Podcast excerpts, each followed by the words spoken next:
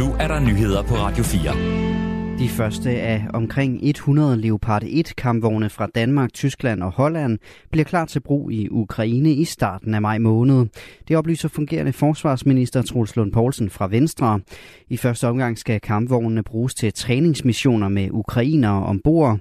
I går besøgte den fungerende, statsminister, øh, undskyld, den fungerende forsvarsminister den virksomhed, der er i gang med at gøre kampvognene klar. På besøget fik han selv mulighed for at se kampvognene. I starten af februar meddelte regeringen, at der var blevet indgået et samarbejde med Tyskland og Holland om istandsættelse og donation af mindst 100 Leopard 1 kampvogne til Ukraine. Leopard 1 kampvognene har stået opmagasineret efter at de blev udfaset og erstattet af en nyere model. Mange danske TikTok-brugere overvejer at slette appen fra deres telefoner. Det viser en måling, som Analyseinstituttet Voxmeter har lavet for Ritzau. Godt 18 procent af danskerne, som bruger appen, overvejer, om de skal slette den. 4 procent har allerede slettet den, mens 55 procent ikke overvejer at slette den. Center for Cybersikkerhed frarådede i februar ansatte i staten at have appen installeret på tjenestlige enheder, men der er endnu ikke kommet nogen anbefaling til helt almindelige danskere. Og det er et problem, mener Astrid Hav, der er ekspert i sociale medier. Hun mener ikke, at det bør være op til den enkelte dansker, om TikTok skal slettes fra ens telefon. Jeg kan ikke forstå, at det skal være et individuelt valg, hvor jeg skal sidde som nogens forældre til nu teenagebørn, men også som bruger af TikTok, og forholde mig til at gennemskue, om det her lever op til dansk og europæisk lovgivning. Blandt andet flere ministerier, kommuner, medier og Folketinget har bedt deres ansatte slette appen fra deres arbejdstelefoner. Region Syddanmark vil bruge kunstig intelligens til at opspore brystkræft, så lyder det i en pressemeddelelse fra regionen. Der er udbredt mangel på radiologer og radiografer til at analysere mammografibilleder, der tages ved screening for brystkræft. Derfor vil regionen teste, om kunstig intelligens kan bruges til at vurdere billederne. Formand for Sundhedsudvalget i Region Syddanmark, Mette Witt Hagensen fra Socialdemokratiet, mener, at kunstig intelligens kan blive en game changer på området. Det er ikke nogen hemmelighed, at sundhedsvæsenet på nogle områder er udfordret i forhold til arbejdskraft.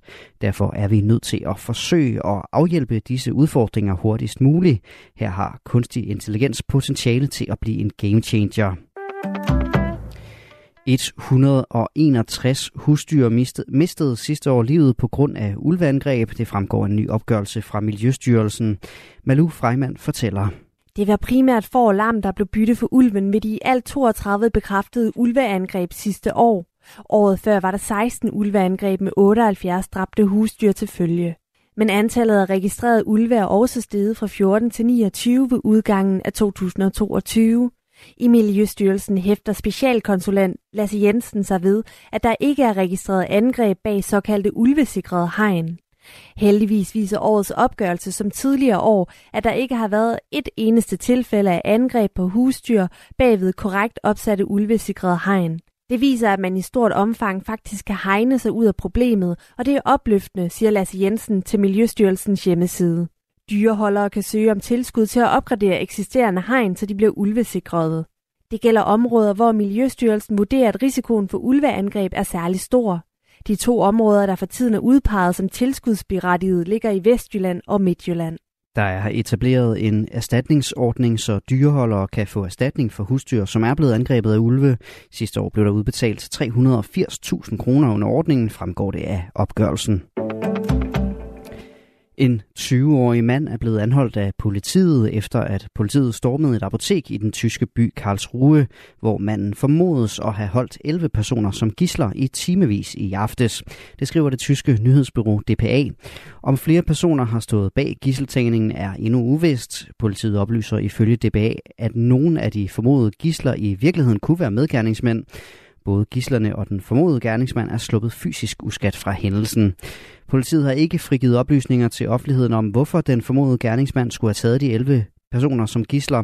Den tyske avis Stuttgarter Zeitung skriver ifølge Reuters, at han krævede en løsesum på et etcifret millionbeløb i euro. Den information har politiet endnu ikke ville kommentere.